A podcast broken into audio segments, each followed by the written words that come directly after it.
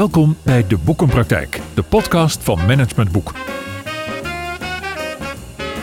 In De Boekenpraktijk praten we met auteurs over hun nieuwste boeken. Boeken over organisatieontwikkeling, persoonlijke ontwikkeling en verandering. En altijd met een link naar de dagelijkse praktijk. Uw presentator is Willem van Leeuwen. Wat is mijn levensbestemming en hoe kom ik daar? En hoe geef ik mijn leven zodanig betekenis dat ik lang en gelukkig leef? Misschien wel de twee moeilijkste en meest uitdagende vragen in ons leven, waar het boek Ik ga waar ik voor sta, mijn reis naar Ikigai van Paul Verveen een antwoord op wil geven.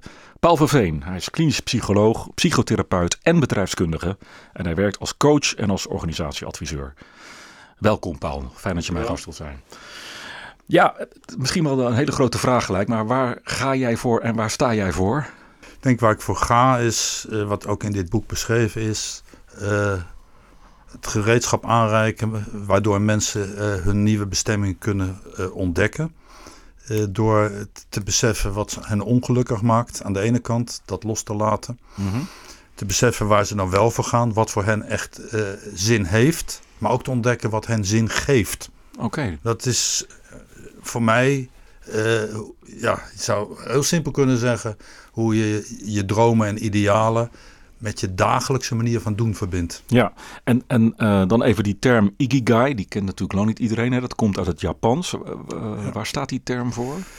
Ikigai betekent eigenlijk door be bewust van betekenis te willen zijn, lang en gelukkig leven dat associeert al eigenlijk twee dingen. Je, de, namelijk dat veronderstelt dat je een lang en vooral gelukkig leven hebt als je een, uh, uh, van betekenis kunt zijn. Dus dat is kennelijk belangrijk voor ons als mensen. Ja, als, als er, wat ik soms wel eens zeg, als er een natuurlijke verbinding is tussen wat je vandaag doet en wat je vandaag prioriteit geeft en datgene waar je op langere termijn in gelooft. Ja, ja, ik moet ook een beetje denken aan de, de piramide van Maslow, zeg maar. Hè? Dat als we de eerste behoefte hebben vervuld van een uh, veiligheid en woning en eten en drinken, dan komt die behoefte om, om ja, waarde te kunnen leveren eigenlijk. Ja, en, en, weten wij dat dan niet? Zijn wij, zijn wij een beetje blind als mens dat wij vanuit onszelf, zeg maar, niet weten uh, hoe waardevol we kunnen zijn? Hebben we daar Ikigai ik, voor nodig? Ik denk dat in de meer de, de westerse psychologie uh, we heel erg zeggen van als er maar verbinding binnen jezelf is. Ja. Zoek je passie, zoek je kracht. Ja. Ik vind dat uh, uh, beperkt. met het, het Ikigai concept is Oosters, ontleend aan het Taoïsme. Ja. En zegt eigenlijk, maar dat moet dan wel in natuurlijke verbinding zijn met iets groters dan jijzelf. Ja, ja. Want hoe heb jij dat ontdekt? dat Ikigai. Ben je in Japan geweest? Of, uh, hoe, hoe zit dat? Door, ik heb me al veel langer zeg maar, in, het, in het Taoïsme verdiept. Mhm. Mm -hmm. Omdat dat voor mij geen religie is, maar een levensfilosofie. Mm -hmm. Even nog voor de mensen die niet begrijpen wat dat is, Taoïsme. Kun je dat kort... Ja, uh, de, het wordt beschreven in de Tao Te, Te Ching met name. Uh, en waar het staat is van er zijn... De echte essentie snappen we niet kennen we, kunnen we ook niet kennen. Mhm. Mm -hmm. Waarom we er zijn ja, mm -hmm. en hoe we er gekomen zijn. Ja. Uh, dat, ja, dat, daar wordt lang over nagedacht. Ja. Maar het Taoïsme zegt alleen van... als jij uh, je aan een aantal uh, waarden houdt die in het Taoïsme zitten... dan leef je in een harmonische verbinding met het grotere geheel. Even hoor, want um, kan, kan je zo'n waarde noemen? Ja, dat is bewustzijn. Mhm. Mm -hmm. Niet bewustzijn, maar bewustzijn. Mm -hmm.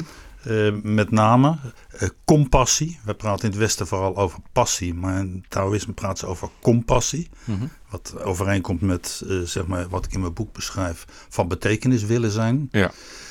Eh, modesty, bescheidenheid. Mhm. Dat betekent gewoon tevreden zijn met kleine stappen. Mhm. En dan eh, simplicity, een concept dat Philips in het verleden gebruikte. Ja. Wat eigenlijk zegt eenduidig. Eenduidig ja. van betekenis willen zijn. Ja, en dat zijn eigenlijk een aantal waarden. Dat als je volgens die waarden leeft, word je gelukkiger? Of ja, daar komt het wel op neer. Wat je eigenlijk zegt in, eh, in Okinawa, is een van de blue zones in de wereld. Hmm. Waar mensen, waar heel veel 100-plussers wonen. Ja, en uh, je, je, gooit er gelijk wat termen in. Okinawa, ja. dat is een, een, een, een, stad of een regio ja, in, uh, in, in, Japan. in Japan.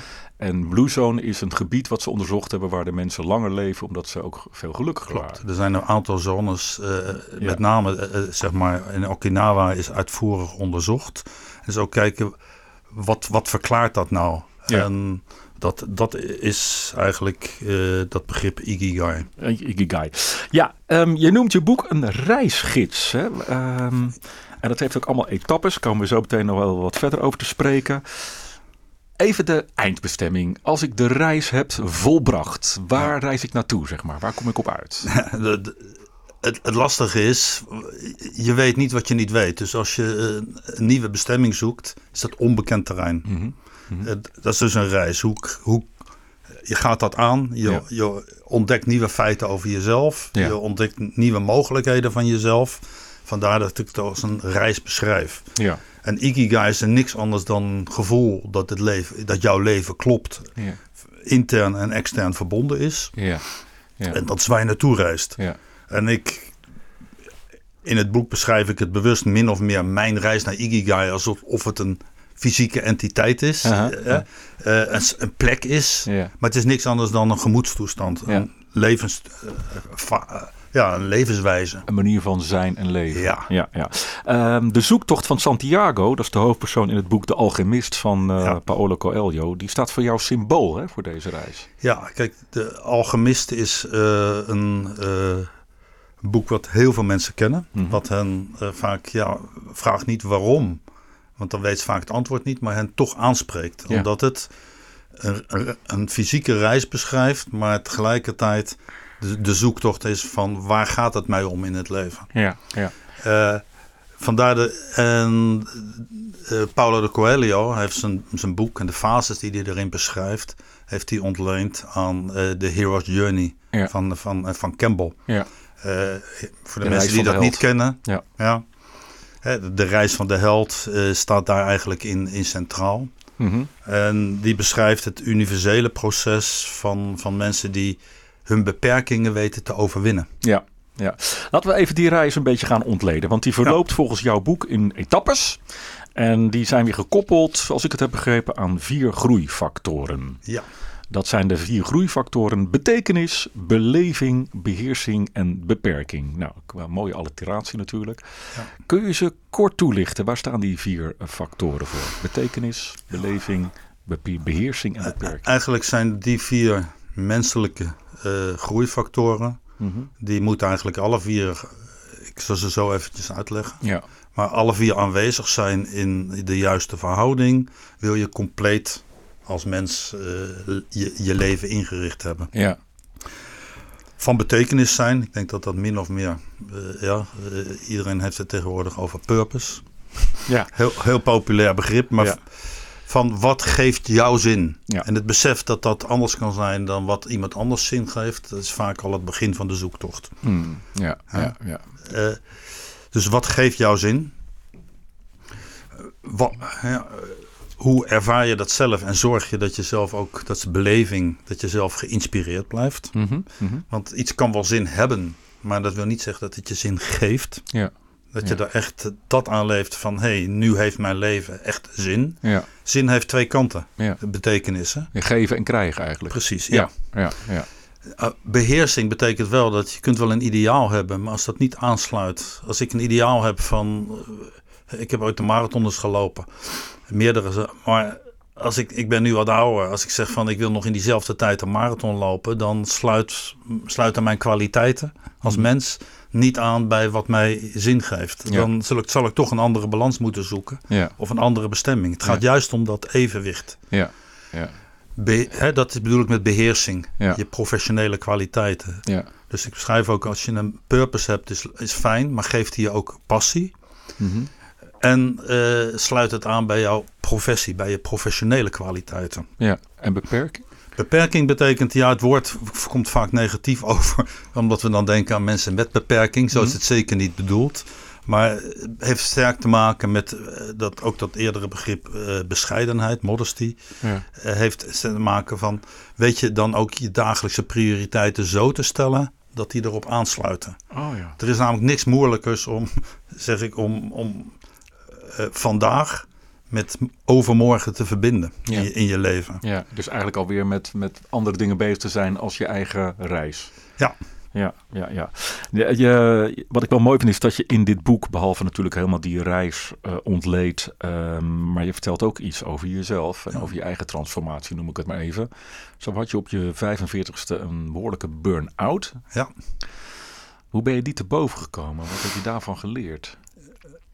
Wat ik daarvan geleerd heb is dat als je, hoe interessant je baan dan ook kan zijn en hoeveel status en, eh, en of inkomen het ook geeft, als het niet bij jouw eh, kernovertuigingen aansluit, Mhm. ja, Ja, dat je dan eh, uiteindelijk daar volledig op leegloopt. ja, ja. Want het geeft jou, ja, het heeft misschien wel zin, maar het geeft jou geen zin. Oké, daar heb je het alweer over. Daar heb je het ook eigenlijk alweer over die twee elementen betekenis en beleving. Hè?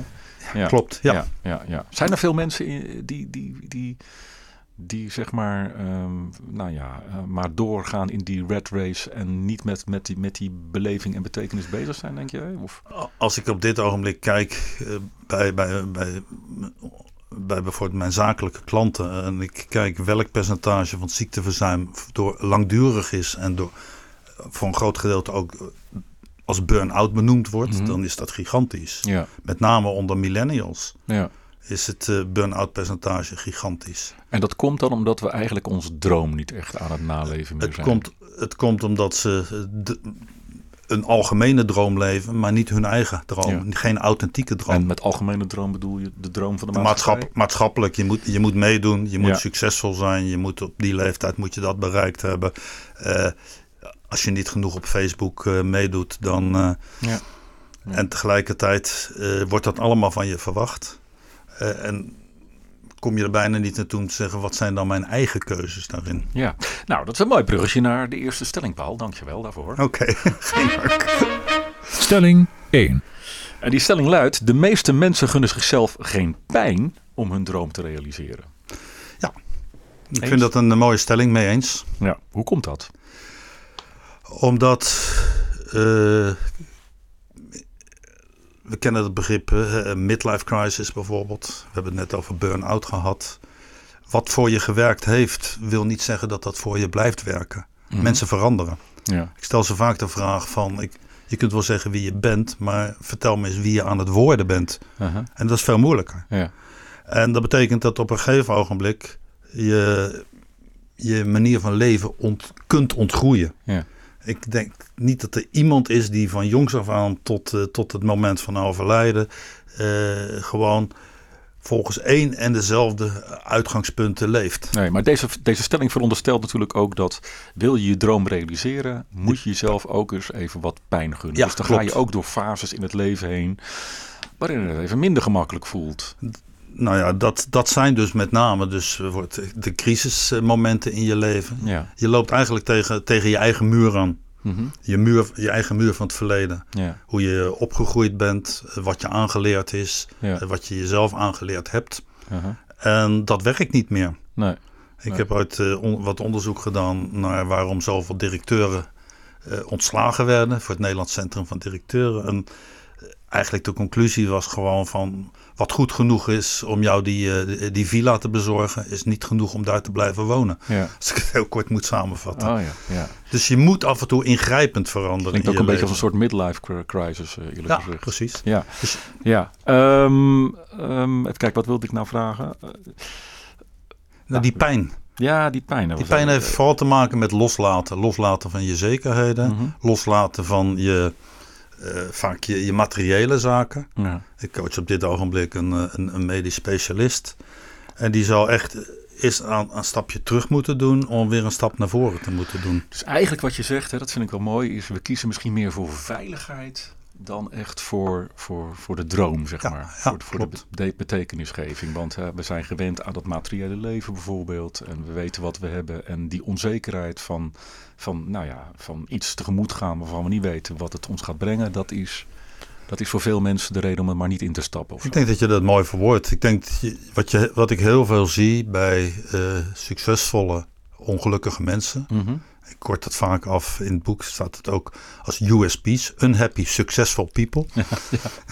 Ja. Eh, Dat, dat, dat laat dat dilemma heel goed zien. Heel goed zien.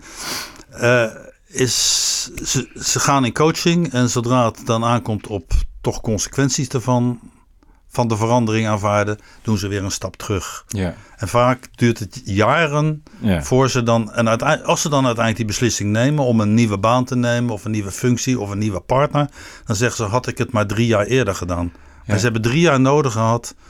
Het moest eerst erg genoeg zijn om door die pijn heen te gaan. ja. Nou, dat brengt ons bij stelling 2.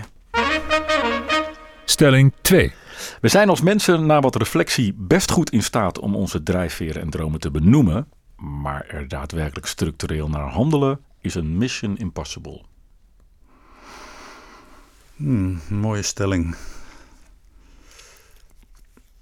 Ik, ik ben het er niet mee eens. Want? Met name met het eerste stuk. We zijn mensen, als mens goed in staat te reflecteren op onze eigen werkelijkheid. Of de rol die we spelen in Ja. de werkelijkheid. Ik denk dat, we, dat het vaak onbekend terrein is.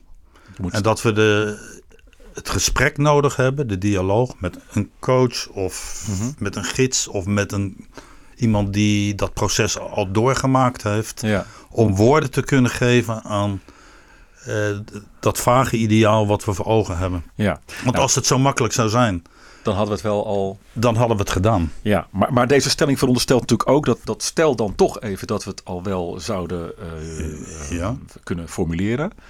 Dat er nog steeds eh, een stuk in zit wat het zo lastig maakt, namelijk dat is het ook echt doen. Ja, klopt. Om, juist omdat het nog een, iets nieuws is, een bestemming, is, is meer een, een, een, een, een, idee hoe je leven eruit zou kunnen Ja. zien. Ja.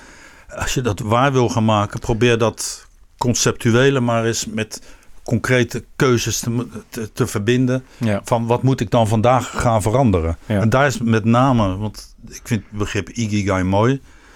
Eh, en, maar dat is een globaal beeld, Mhm. ergens eh, in de toekomst. ja.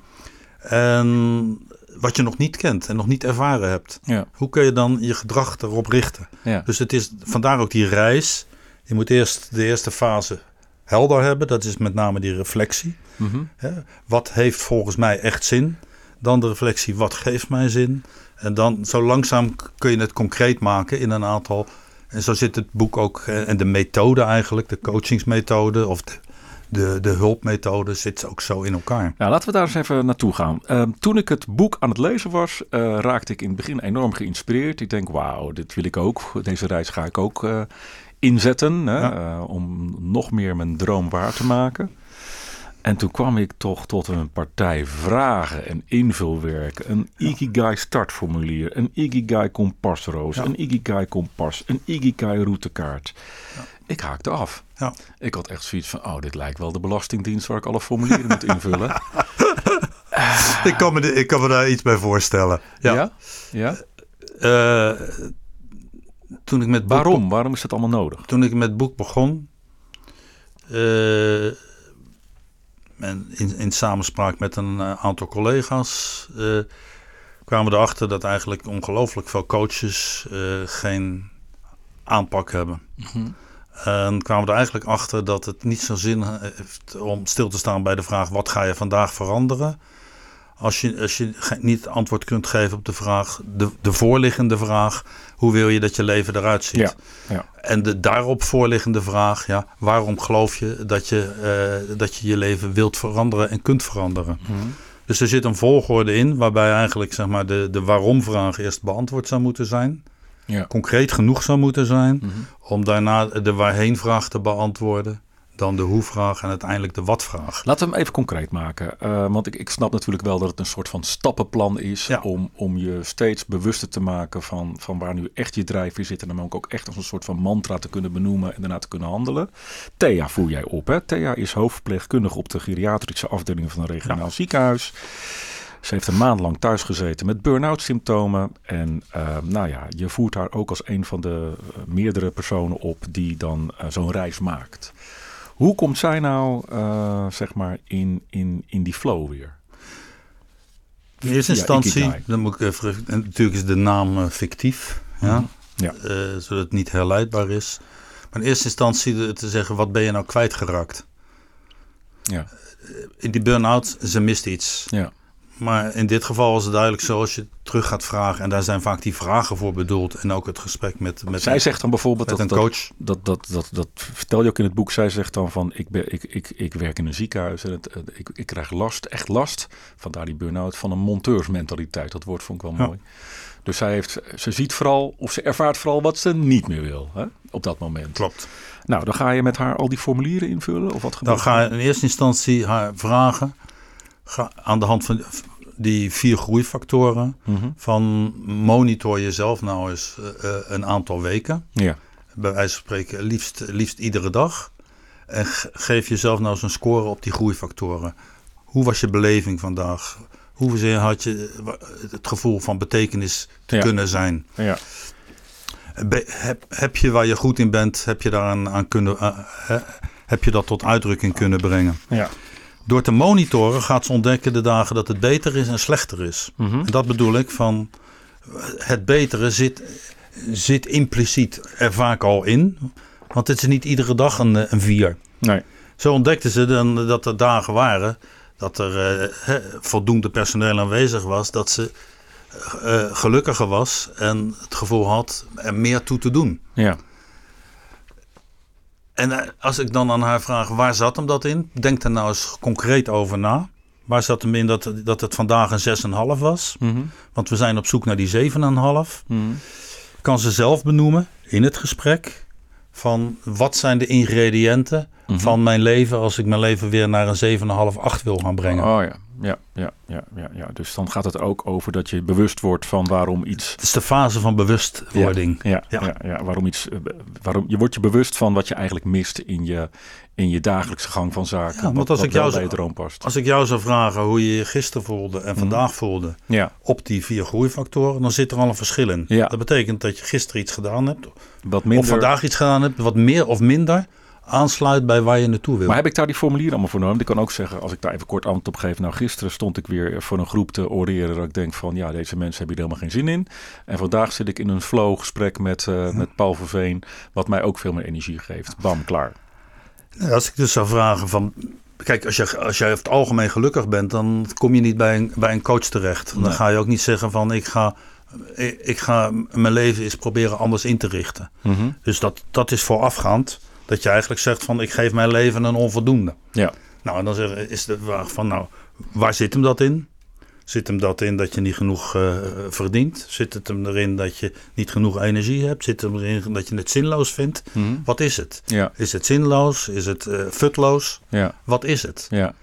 En laten we dan eens gaan, gaan kijken, met name op die groeifactor die het laagste scoort, waarom dat in zit. Ja. Dus het boek is begonnen. Toen ik begon te schrijven, was het vooral bedoeld voor coaches.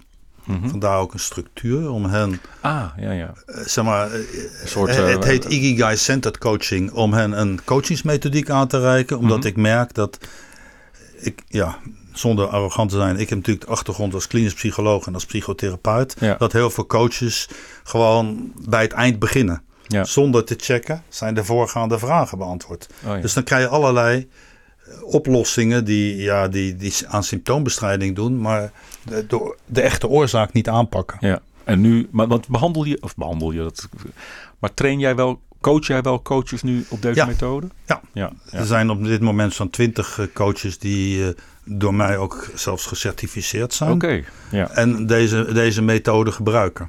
Maar daar, daar begon het mee. Mhm. Tot ik ontdekte dat eh, eh, heel veel mensen eh, ook zelf zeg maar, deze stappen door, kunnen doorlopen, mits er maar een structuur aan gegeven En dat eh, kan je eigenlijk met behulp van het boek en de werkbladen doen. Ja, het is dus uiteindelijk meer een, ook een zelfhelpboek geworden. In de en wat ik merk is dat het, die coaches die deze methode gebruiken, die geven het boek eigenlijk mee aan hun En coaching. zullen we die mensen dan nog even verleiden die, eh, die naar zit- nu zitten te luisteren? Misschien met behulp van de vraag, waar staat Thea nu? Hoe is ze uit die burn-out gekomen en wat heeft dit haar nu uiteindelijk gebracht? Is ze gewoon van baan veranderd? Of? Ja, uiteindelijk eh, kwam ze tot ontdekking, ik, ik zoek voor mij het goede, alleen op de verkeerde plek. Hmm, Oké, ja. Ja? ja. Eh, ne- net als je kunt zeggen van, eh, ja, wat ik nu in mijn leven zoek, dat vind ik niet meer bij deze persoon.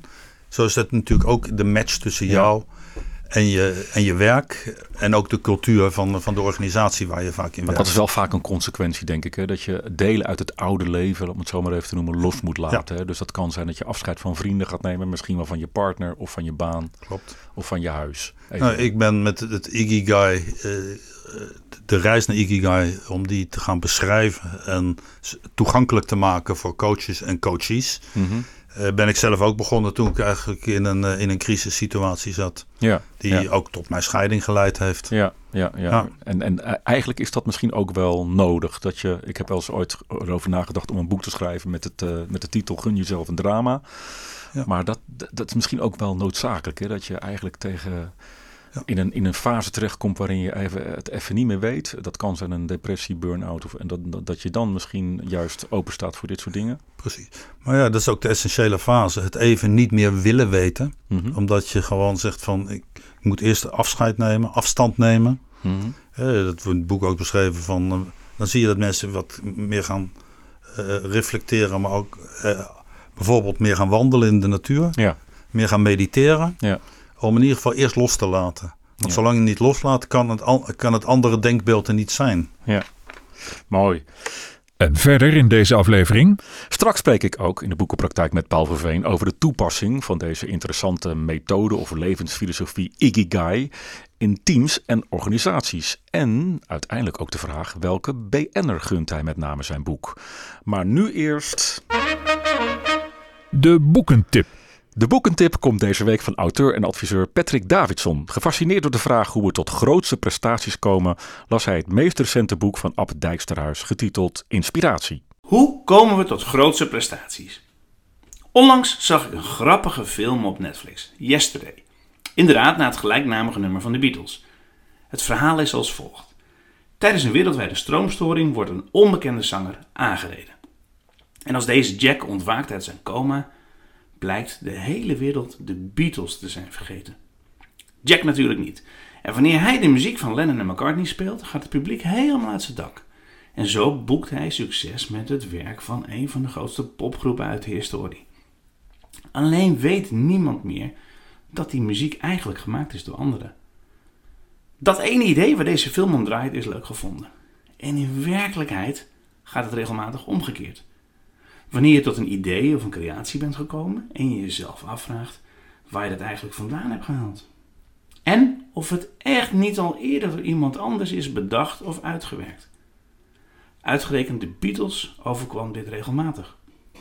Hun beste werk is volgens Ab Dijksterhuis begonnen met onbewuste arbeid, met een ingeving, waarna ze het via bewuste arbeid afronden. Volgens Dijksterhuis vormen inspiratie en transpiratie helemaal geen tegenstelling, maar juist een noodzakelijke combinatie. Dus hard werken en openstaan voor ingevingen. En dat openstaan is cruciaal.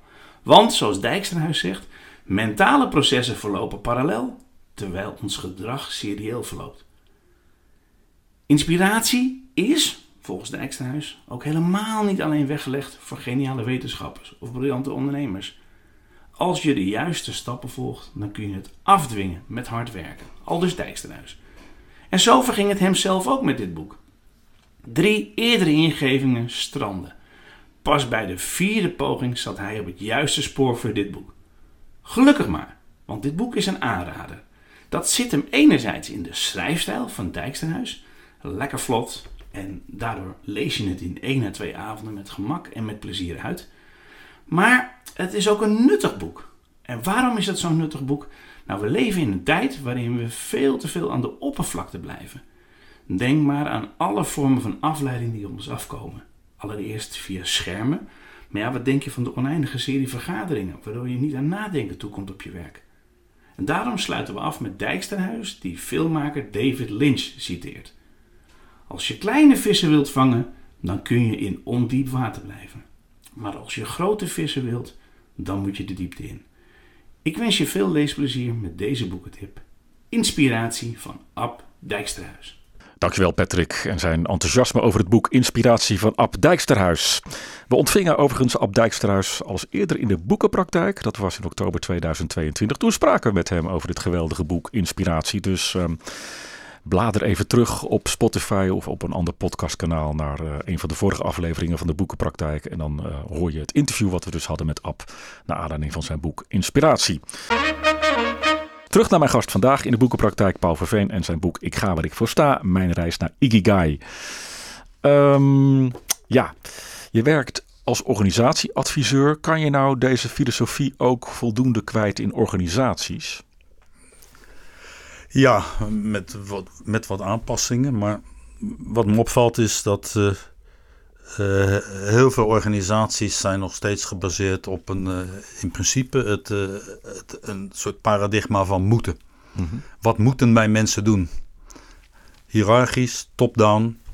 En tegelijkertijd roepen heel veel organisaties van ja, wij, moeten, wij, wij geloven in eigenaarschap, we geloven in meer zelforganisatie. Ja. Maar ze doen het niet. Nee. En dan zie je dus dat. En waarom doen ze het niet? Omdat ze dan los moeten laten. Ja. Nou, wat, wij, wat wij zeggen, en als organisatieadviseur ben ik aangesloten bij het bureau Movement 2. Mm -hmm. Is wij begeleiden organisaties van een transactioneel organisatiemodel naar een interactioneel organisatiemodel. Dat klinkt heel sexy, maar wat bedoel je ermee? Wat ik daarmee bedoel is, is eigenlijk vrij simpel. Dan, veel van die, van die veel organisaties in de zakelijke dienstverlening, maar ook in, uh, in overheidssferen, die zeggen van wij willen uh, de klant echt van dienst zijn. Hm. Wij geloven, zeggen ze dan, in customer intimacy. Ja. En dan zeg ik van, nou, dat betekent dat je bouwt op het vertrouwen wat de klant in jou heeft. Mm -hmm. En als ik ze dan voorzichtig confronteer door te zeggen van, maar als ik je nou zeg dat het vertrouwen wat de klant in jouw medewerkers heeft, nooit groter kan zijn dan het vertrouwen wat de medewerker in zijn organisatie heeft, dan wordt het vaak even stil. Ja. ja. Want dus het gaat erover wat je buiten uh, pretendeert waar te maken, moet je eerst binnen in je organisatie waarmaken. Precies, ja, klopt. Ja. En daar zit een raar verband eigenlijk met, met uh, ook dat begrip, eerdere begrip wat we behandelden, Ikigai. Uh -huh. In Ikigai staat centraal het woord ki. Hm. Ki is een Taoïstisch begrip wat staat voor vrije energie. Ja. Energie die vrij stroomt tussen je denken en je doen. Of je dromen, je denken en je doen. Ja. Iedereen kent die flow. Ja.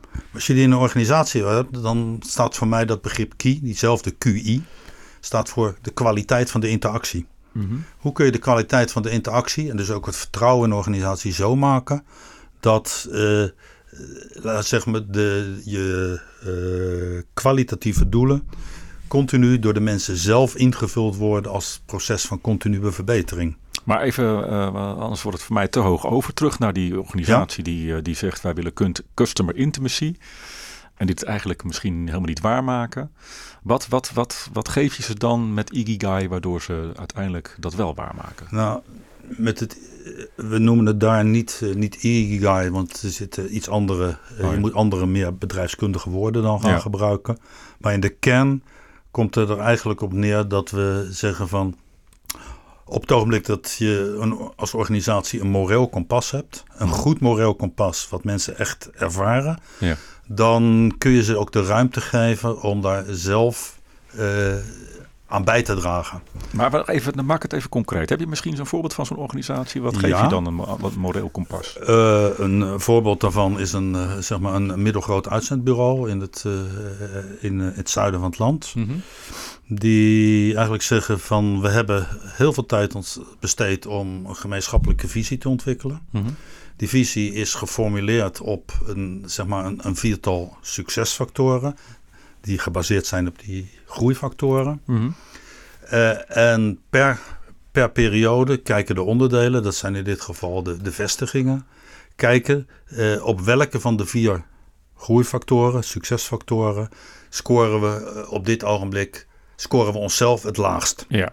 En door daaraan te werken dragen zij bij aan de visie die bovenliggend is, die ook samen ontwikkeld is. Ja, ja. Het eerste noemen we dan de groeivisie. Mhm. Het tweede noemen we de groeistrategie. En de groeistrategie ligt daar binnen, binnen die morele kaders ligt veel lager in de Dus organisatie. eigenlijk ben je eh, continu je dienstverlening als organisatie aan het meten en aan het en scoren. optimaliseren, maar Ja. niet top-down, Mhm. maar gewoon via self-assessment. Oké, nou dat brengt ons bij de derde stelling, Paul.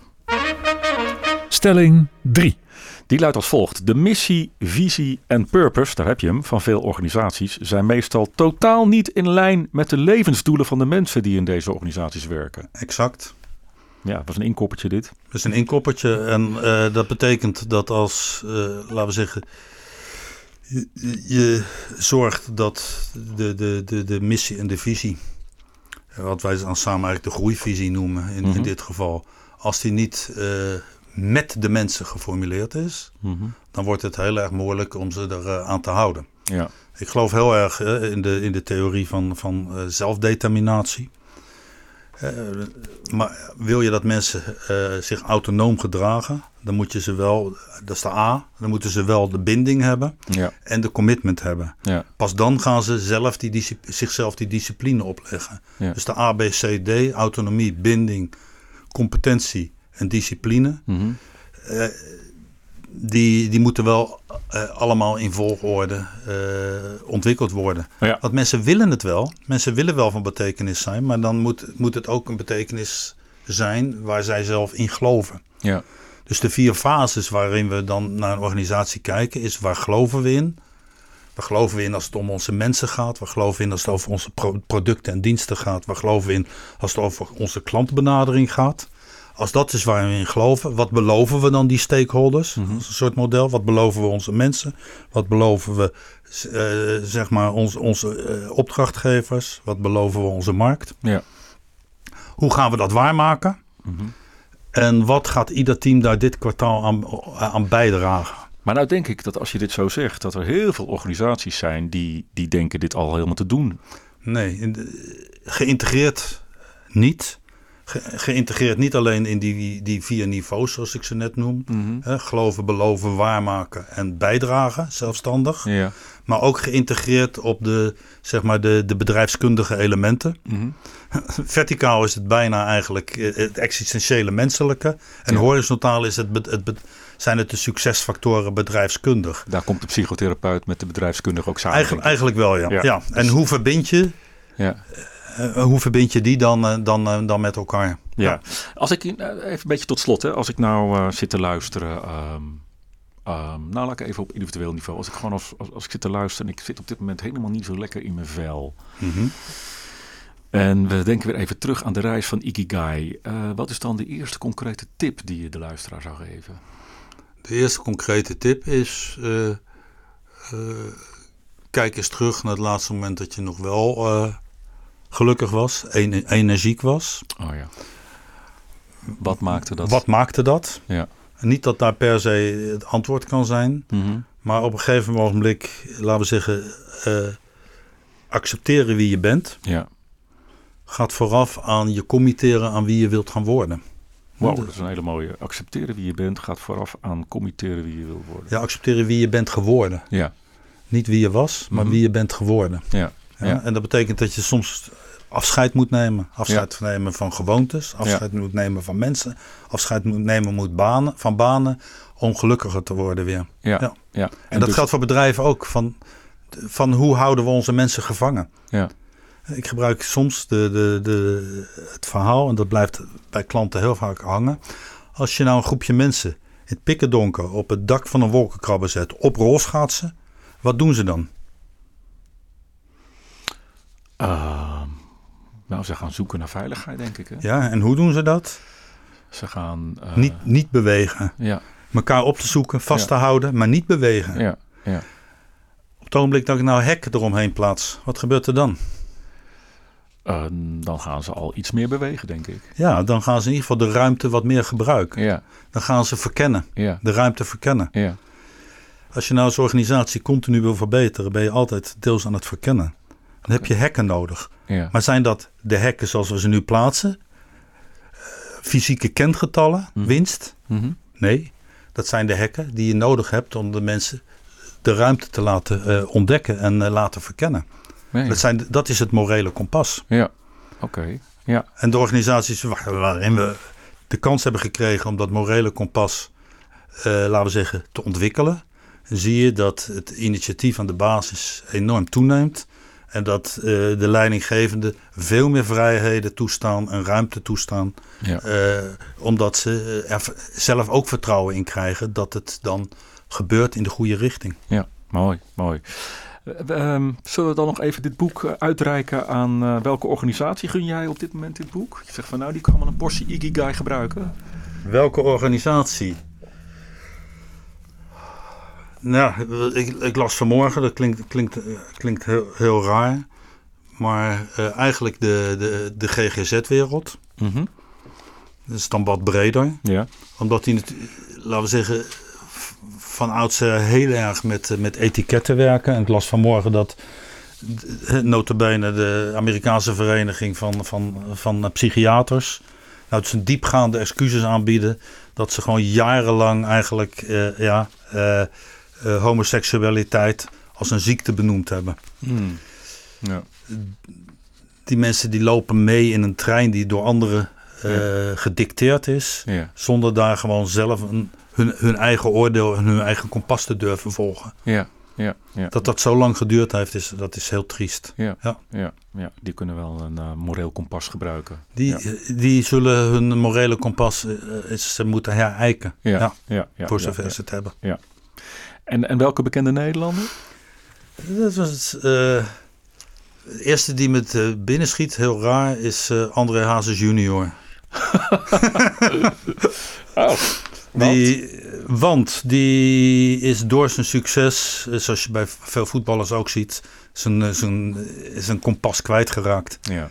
Als, en dat, eh, dat zie je aan alle kanten van wie ben ik nou eigenlijk, wat wil ik nou eigenlijk. Ja. En die eh, ja, als een gek aan het zoeken is naar zijn, uh, zijn nieuwe bestemming. Want dat vind ik wel mooi. Dat is wel een beetje de rode draad ook in dit gesprek eigenlijk, Paul. Als ik het zo mag samenvatten. Dat hoe succesvol Misschien wel doordat we succesvol worden, maar hoe succesvol we worden, um, het leidt er misschien zelfs wel toe dat we steeds verder van onszelf vandaan drijven. Dat we ons moreel kompas, zoals jij dat zegt, kwijtraken. En als je je moreel kompas kunt herijken of weer kunt terugvinden en daar betekenis aan kunt geven, dan ben je een belangrijke stap aan het zetten naar, nou, naar misschien wel naar de eindbestemming van Ikigai. Ja, en dan is Ikigai niet anders dan een woord wat aangeeft dat, uh, dat je uh, verbonden leeft. Verbonden met, je, met dat wat jou beweegt, mm -hmm. maar ook wat uh, groter is dan jijzelf. Dat ja. kan een beweging zijn. Ja. Heel veel mensen zijn hun koers kwijt. En of dat dan gele hesjes zijn of demonstratie na demonstratie, omdat niet meer helder is waar ze echt in geloven. En er dus ook en nog steeds hopen dat die zegen bij de overheid vandaan komt. Nou, daar komt hij niet vandaan. Nee. Ik denk dat mensen uh, in verbonden, verbondenheid met hun omgeving uh, daar zelf een ja, belangrijke mate invulling aan moeten geven vandaag de dag. Dankjewel. Dankjewel voor uh, jouw bijdrage en deelname aan deze aflevering van de Boekenpraktijk. Geen dank.